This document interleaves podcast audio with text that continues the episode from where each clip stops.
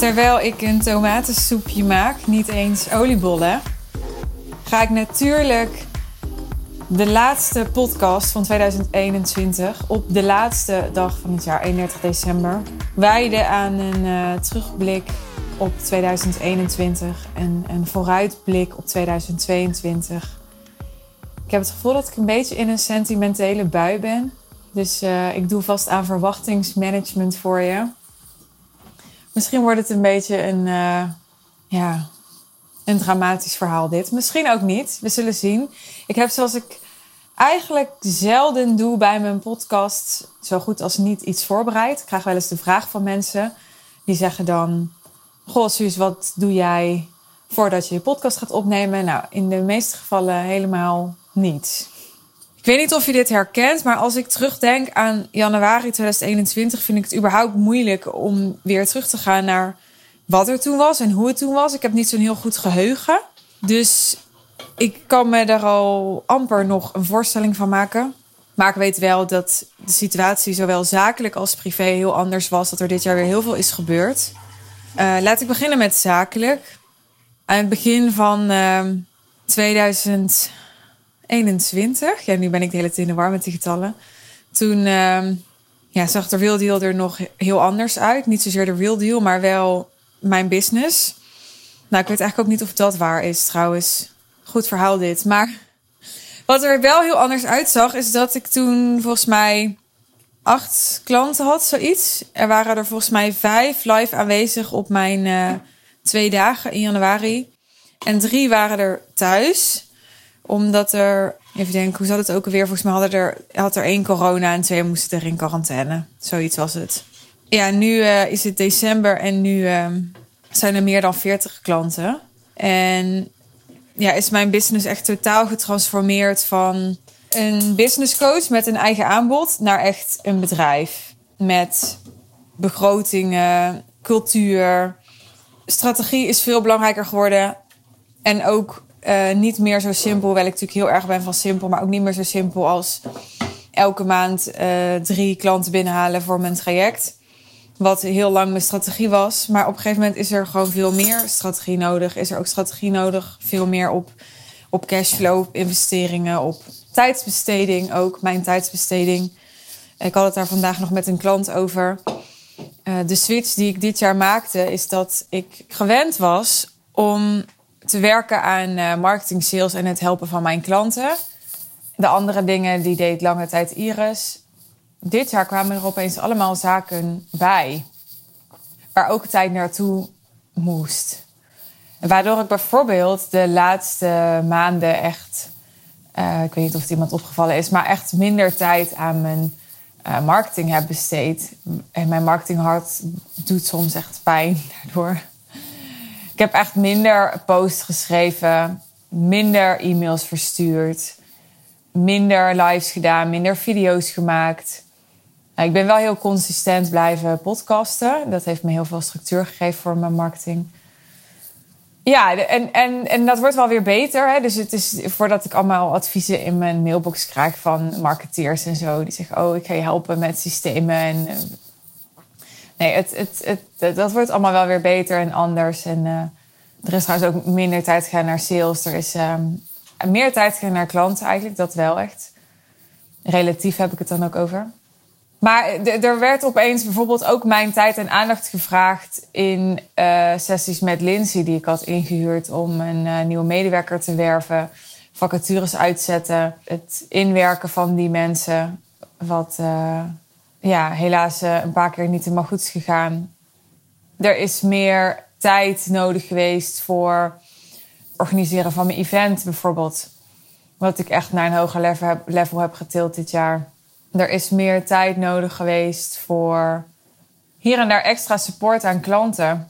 Ik zei vandaag nog tegen iemand, ik zei ja, ik heb het niet uh, heel erg doorgehad, omdat het een geleidelijk proces was. Maar ik ben afgelopen jaar best wel veel meer gaan geven aan klanten ten opzichte van daarvoor. Uh, terwijl ik wel naar een uh, groepsprogramma ben gegaan in plaats van uh, grotendeels één op één calls. Dus voor sommigen zal dat misschien dan paradoxaal klinken. Maar ja, die groepsessies worden super goed ontvangen. Daar heb ik al een keer een podcast over opgenomen. Die heet Groepscoaching, hoe gaat dat? Daar lijkt de titel in ieder geval op.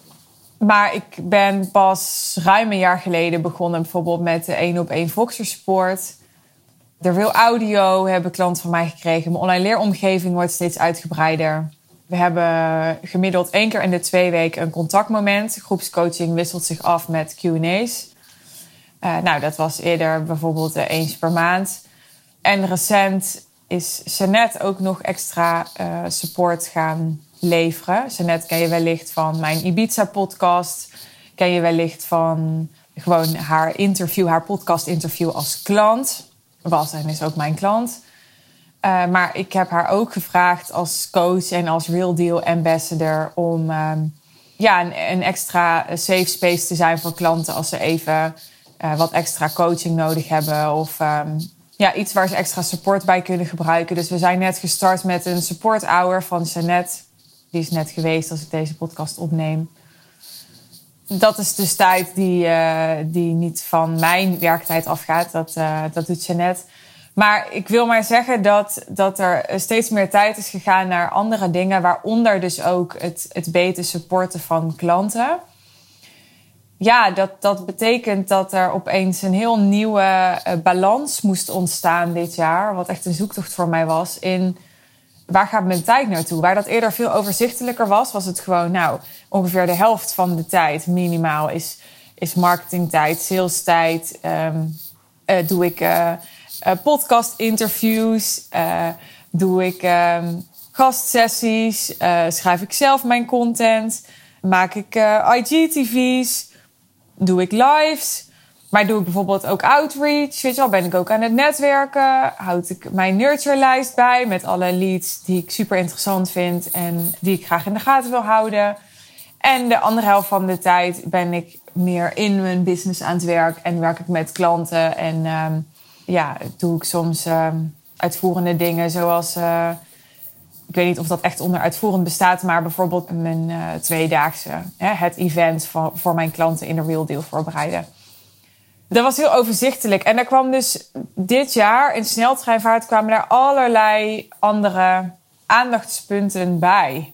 En uh, verschoof ik echt van ja, primarily business coach en ook wel ondernemer naar echt meer CEO en ondernemer. Die ook nog de rol heeft van business coach, die ook nog de rol heeft van marketeer, die ook nog de rol heeft van.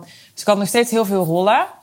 En dat is echt mijn doel in een doel voor 2022 om uh, meer van die rollen af te staan. Hè, om mezelf weer meer vrij te maken van die versnippering. Ja, wat je aandacht geeft, groeit. Ik geloof heel erg in focus. Maar eerder um, was ik dus meer gewoon de business coach, de ondernemer, um, de marketeer en de, de verkoper. En nou ja, die rollen zijn er allemaal nog steeds. Maar er is ook echt een, uh, ja, ik noem het al CEO-rol bijgekomen. Wat natuurlijk super fancy klinkt, maar ik ben natuurlijk geen Shell. Hè. Laat dat duidelijk zijn dat ik, dat ik niet zo pretentieus ben dat ik wil doen alsof, alsof ik maar enigszins daarbij in de buurt kom.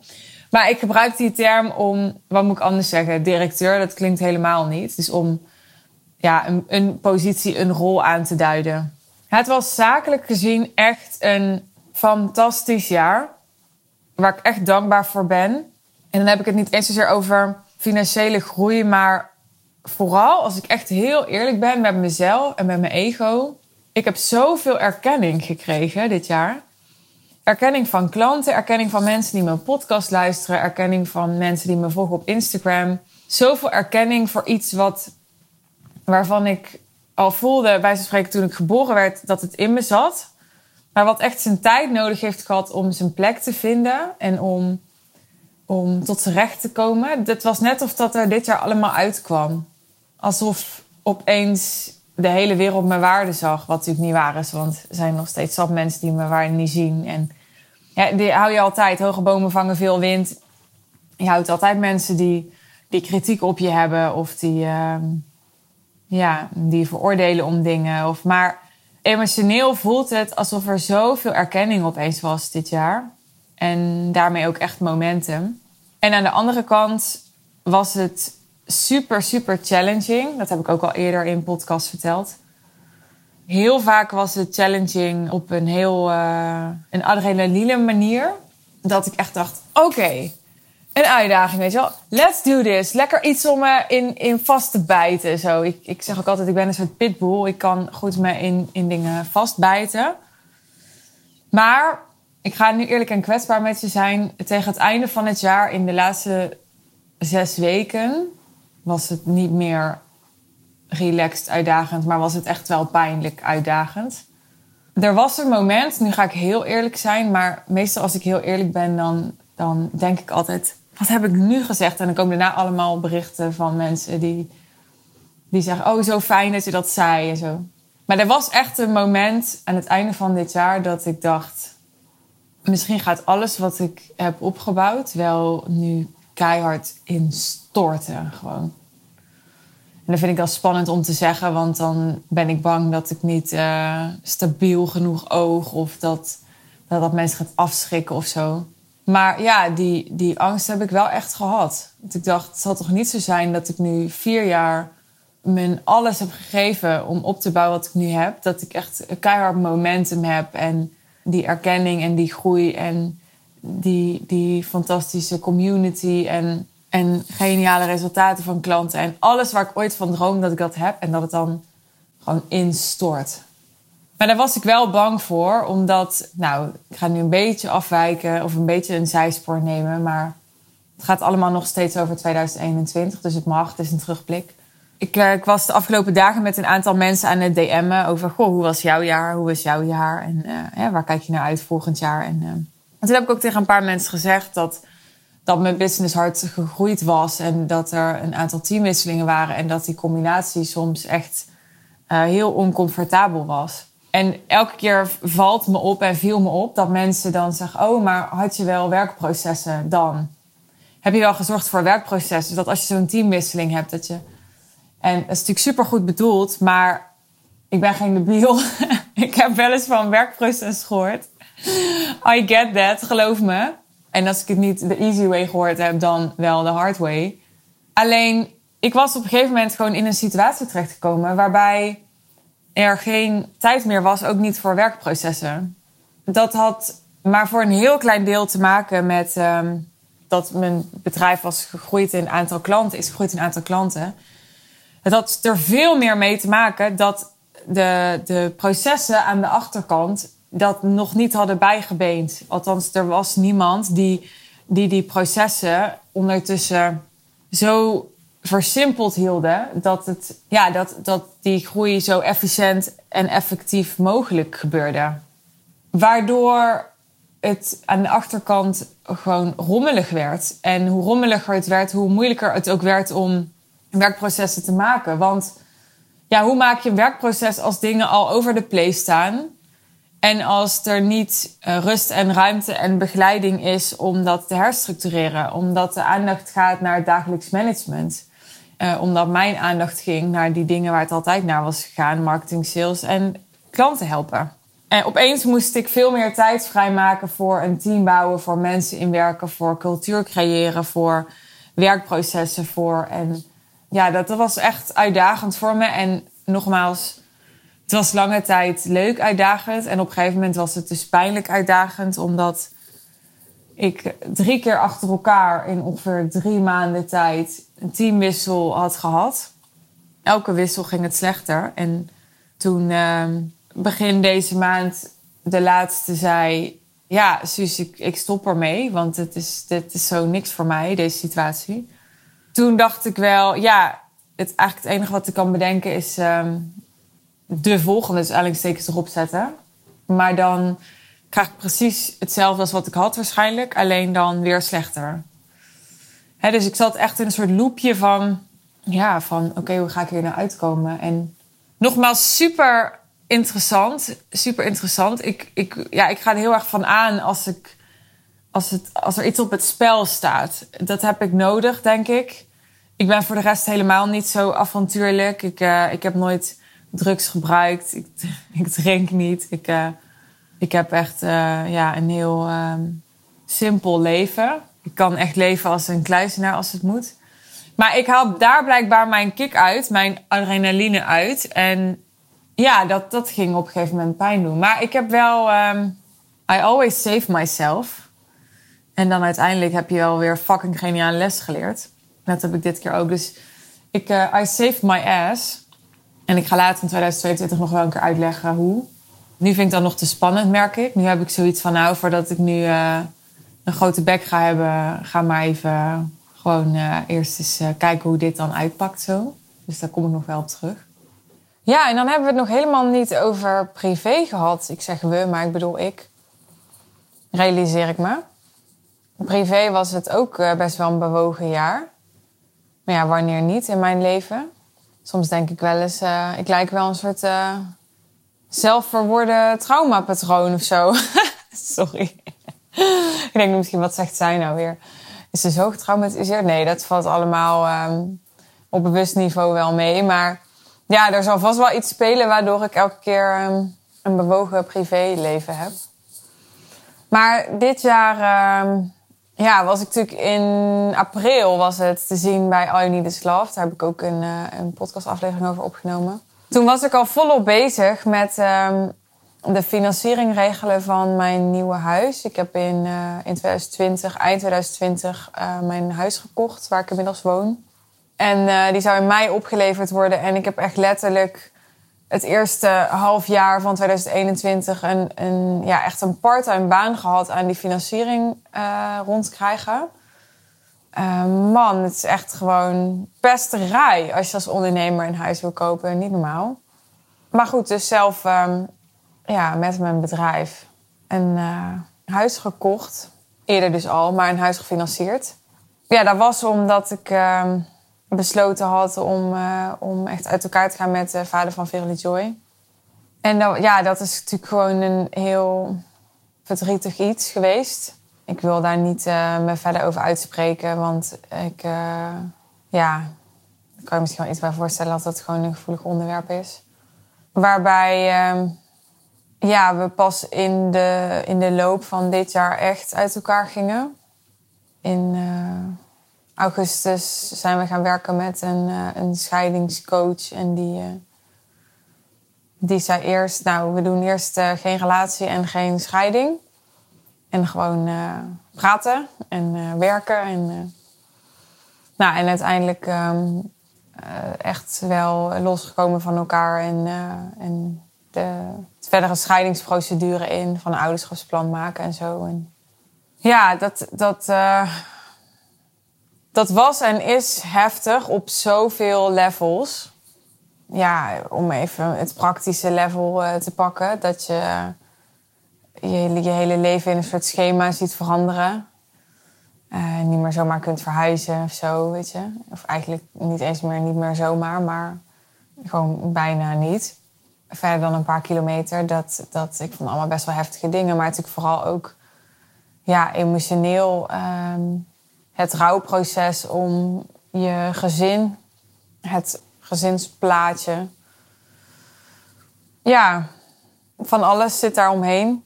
En ik weet nog dat, dat ik vroeger, als aanhalingstekens, als eh, mensen het daarover hadden dat, dat hun ouders gescheiden waren of dat ze zelf gingen scheiden, dat dacht ik altijd: oké, nou ja, dan ga je uit elkaar en dan.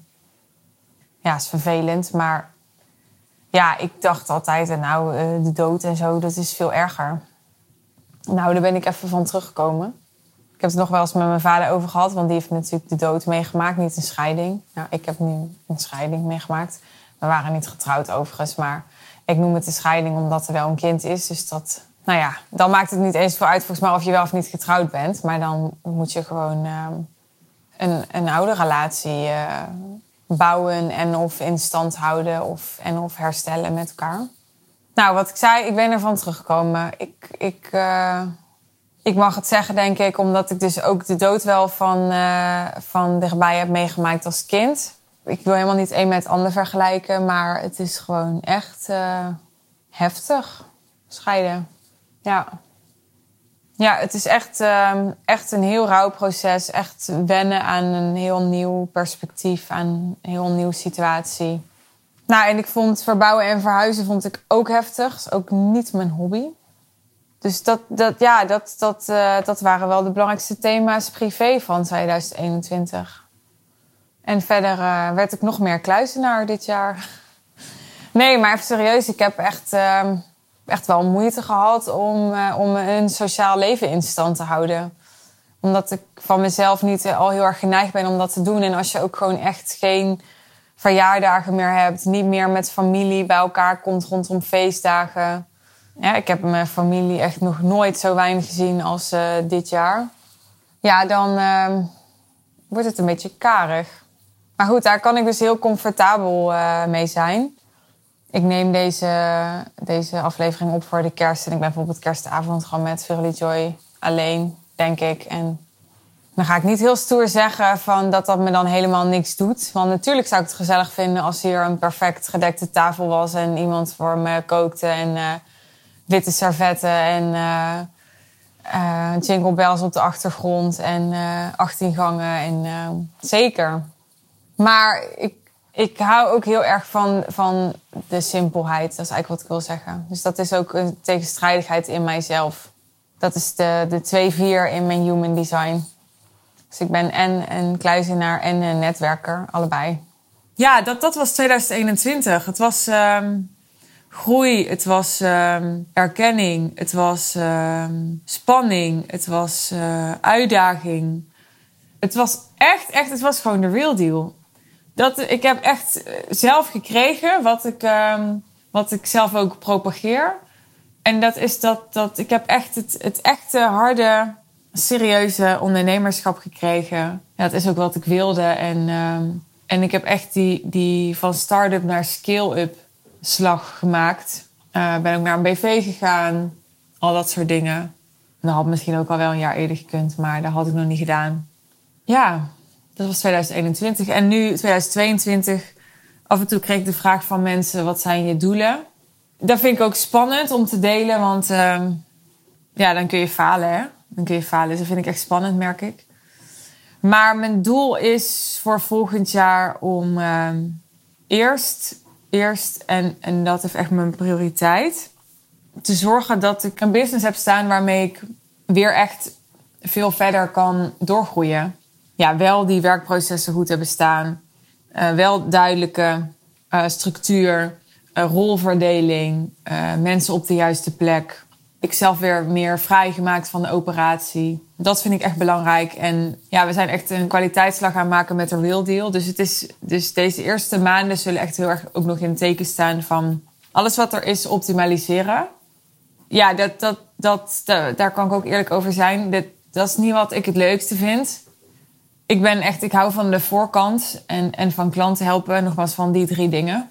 Daar heb ik nooit moeite mee. Maar de, de, de achterkant, dat um, ja, gewoon van hoe, hoe richt zit allemaal in. En nou, daar heb ik nu ook hulp bij hoor, voordat ik allemaal, uh, allemaal pitches in mijn, in mijn DM-box krijg.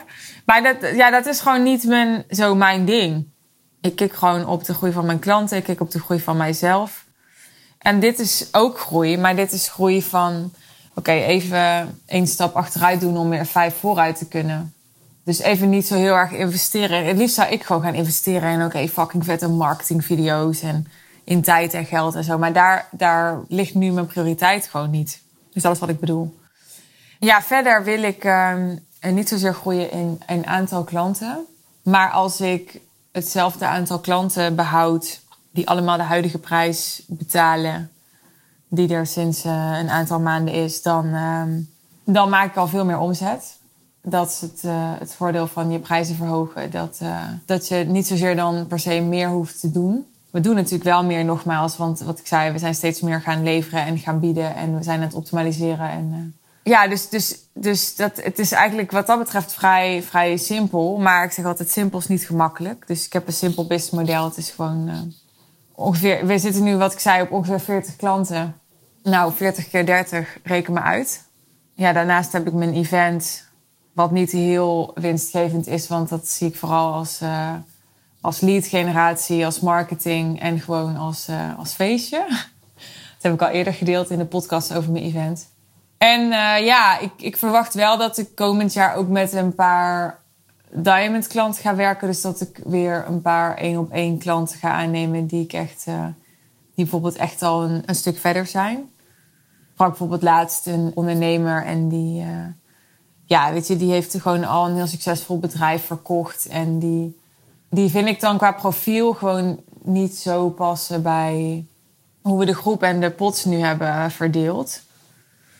Dus voor sommigen kan dat wel heel passend zijn. Het hangt niet zozeer af van of je al een succesvol bedrijf hebt verkocht. Want daar, er zijn wel meer ondernemers in de Deal die dat hebben. Maar ja, soms kom ik eens een ondernemer tegen. En, en dat vind ik ook leuk. Die, ja, die echt weer op een, op een hoger niveau is. En mij weer op andere vraagstukken uitdaagt. En, nou ja, dus dat zie ik wel zitten om... Ik noem dat dan diamond klanten. Om daar een diamond klant van te maken. Die ik dan uh, één op één begeleid. Maar het zou ook kunnen van niet. Zou kunnen van niet, want ik heb echt mijn focus op de real deal al afgelopen jaar. Maar dan wil ik komend jaar alleen maar meer, meer, meer doen. Ik geloof heel erg in, dat heb ik ook al eerder gedeeld, in doorbouwen. Ik geloof van heel erg in doorbouwen. Dus ik ga niet dit jaar opeens iets nieuws doen. Het was altijd al het doel om, om de real deal super awesome, bestendig, stabiel, ja, mega transformatief te maken ik wil gewoon on top of my game blijven op dat gebied. Dus uh, uh, begin volgend jaar gaan we voor het eerst, dus, dus eigenlijk morgen, hè? 31 december, heel graag begin volgend jaar. Dat is eigenlijk gewoon morgen. Uh, gaan we voor het eerst, nou niet morgen gaan we dat doen, maar ik bedoel begin volgend jaar is morgen. Gaan we voor het eerst drie dagen doen in plaats van twee dagen. Dat is alweer iets nieuws om te optimaliseren we gaan in plaats van dat we gewoon twee live dagen hebben met de hele groep, heb ik nu drie dagen en één dag daarvan, de middelste dag, zijn we met iedereen. En de andere twee dagen zijn opgesplitst. Nou, we gaan ook met, uh, met nieuwe communicatietools en zo werken met klanten. Is het idee, daar zijn we nu mee bezig om te kijken, wat is een goede vervanger voor Foxer? Omdat Foxer heeft toch wel zo zijn beperkingen Bijvoorbeeld uh, dat het heel lastig is om een, een, bericht als ongelezen te markeren op Foxer. Daardoor is het lastiger om overzicht te behouden. Nou, noem zo nog maar een aantal dingen op. Dus, dus daar gaat, wat ik zei, zeker in de eerste helft van uh, komend jaar um, ja, gewoon tijd en aandacht in zitten. Ik zei net, ik vind dat niet het leukste, maar dat is wel een beetje te kort door de bocht. Want gewoon te zien dat het dat het beter wordt en heel bewuste keuzes te maken op basis van ervaring die we opdoen en dan te verbeteren, dat vind ik wel super, super tof. Want dat maakt me gewoon heel trots en het werkt ook gewoon heel goed. Want daarmee zien klanten ook dat we, dat we continu vernieuwen, dat we continu leren, waar zij we heel veel van leren. Daarmee blijft het heel interessant om klant te blijven. Want dat zou helemaal ideaal zijn als gewoon iedereen die er nu is gewoon lekker blijft volgend jaar. Nou, dan heb ik mijn doel gehaald en nul, uh, nul sales hoeven doen. Dus elke klant die nu luistert, die weet wat hem of haar te doen staat. ik zeg ook gewoon tegen klanten, ik heb vandaag ook tegen klanten gevraagd. Wat is er nou voor nodig? Wat wil je nou van ons? Om nooit meer weg te willen. Ja, dat vind ik dus een awesome vraag. Ik denk gewoon, ja, ik wil dat gewoon weten. Vertel het me allemaal. En dan gaan we gewoon kijken hoe we dat gaan doen, toch? Ja, dit, dat. Ik ben niet zo'n ondernemer, die spreek ook wel eens, die dan zegt... Nou, na een jaar is het wel genoeg of zo. Nee, ik bedoel, ik zeg niet dat je voor altijd... Uh, dat is natuurlijk overdreven voor altijd. Maar ja, ik heb ooit een, uh, een IGTV gedaan over waarom je vijf jaar bij je coach wilt blijven. En daar sta ik nog wel steeds heel erg achter. Dus ik wil wel zeker mensen langer behouden dan een jaar. En ik zie ook echt dat... Uh, dat zo'n tweede jaar super vruchtbaar is. Omdat je dan nog veel meer de vruchten kunt plukken van, van het jaar waarop je hebt gebouwd. Ondertussen is mijn soep gewoon koud, hè jongens? Ik neem even een hapje. Hmm. Als je niet tegen etende mensen in je oor kan, dan moet je nu even scrollen. Ik heb ook nog wel echt, uh, ja, echt super vette ideeën bij mijn event. Ik baal een beetje van, uh, van corona. Ja, wie niet, maar normaal hou ik me niet zo mee bezig eigenlijk en leef ik gewoon mijn leven. Maar nu hebben we moeten besluiten om die drie dagen in januari toch maar te verplaatsen. Omdat we het risico dat het niet door kon gaan op het laatste moment toch te groot achten. Ja, dat maakt dan dat dat event weer dichter zit op mijn event in maart en zo. En dat, nou ja, dat vind ik allemaal niet zo heel relaxed. Maar dat is ook ondernemerschap. Gewoon de hele tijd uh, ja, weer uh, wendbaar zijn.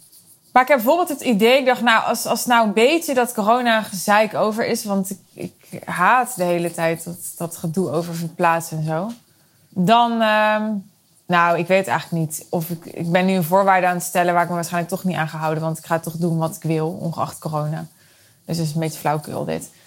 Ja, nu heb ik wel verklapt dat ik misschien, ik weet het dus nog niet, dus ik zeg bewust misschien Misschien wil ik in het najaar een, uh, een event. De High Level Sales One Day Intensive was nu natuurlijk altijd een One Day Intensive. Uh, nou, die naam is echt zo'n begrip geworden. Dus ja, ik kan moeilijk nu Two Day Intensive gaan noemen. Dat klinkt ook helemaal niet. Maar zo, ik heb dus wel zo'n soort idee. Omdat ik ook elke keer een programma maak voor twee dagen. En dan denk ik, oh ja, ja, moet weer heel veel schrappen. Want uh, het is veel te veel voor één dag. nee, maar los van het programma, ik, ik wil nog veel meer een beleving ervan maken.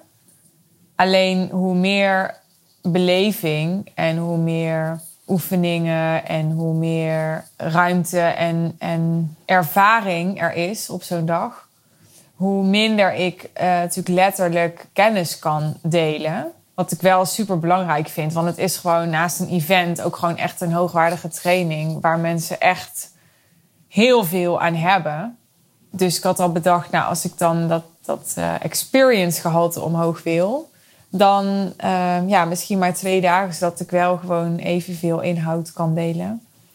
Hoewel ik me terdege er bewust van ben dat het niet zozeer om de kwantiteit, maar om de kwaliteit gaat natuurlijk.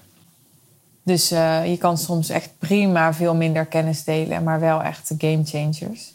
Maar goed, dit zijn zo, uh, zo hersenspinsels die ik heb over 2022 ja, ik zit in de comfortabele positie dat er al heel veel geboekte omzet is. Dus feitelijk gezien kan ik gewoon een heel jaar uh, geen sales meer doen. Omdat ik gewoon klanten heb die, uh, ja, die, die voor het hele jaar of een groot deel, of in ieder geval een deel van het jaar nog klant zijn.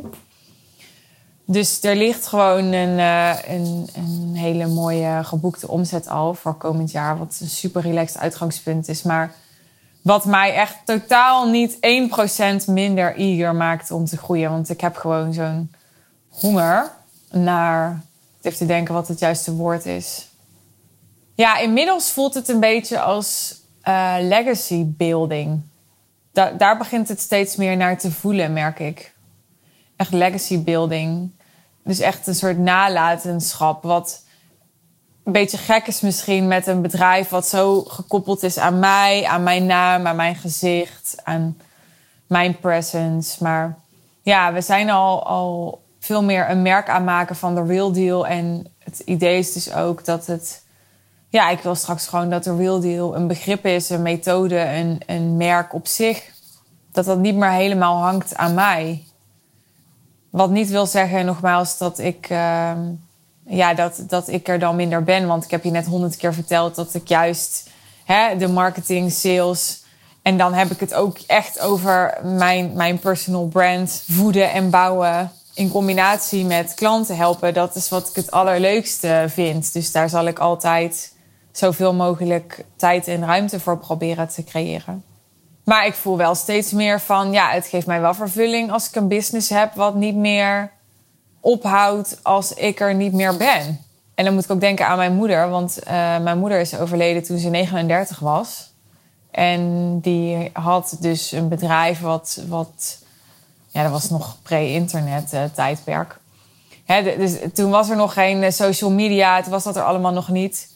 Uh, toen ging ik nog gewoon met oldschool briefpapier en visitekaartjes. Maar die had een bedrijf wat niet eens zozeer qua huisstijl of qua naam aan haar gekoppeld was. Maar wat wel gewoon echt van de een op de andere dag ophield te bestaan toen zij overleed, plotseling. Want ze is verongelukt, dus daar ging geen lang ziektebed of zo aan vooraf. Dat was gewoon bam, opeens. En uh, ja, ik merk dat dat de laatste tijd toch wel steeds meer bij me begint te leven. Dat ik denk, ja, ik zo voor mezelf in mijn eigen inkomen voorzien, ja, dat, dat, dat kan ik kan nu als stoer zeggen, ja, dat vind ik niet zo spannend meer. Maar ik blijf geld altijd een spannend onderwerp vinden, als was ik geen business coach. Het is niet voor niks mijn thema. Dus, dus dat is niet waar. Maar er is wel echt een drive naar, ja, naar mijn ambities waarmaken. Zit er geen grens aan mijn ambities? Ja, zeker wel. En ik weet ook zeker dat, dat er een keer een moment komt over een aantal jaar of zo. Dat ik denk, nou, ik ben een beetje uitgeraasd.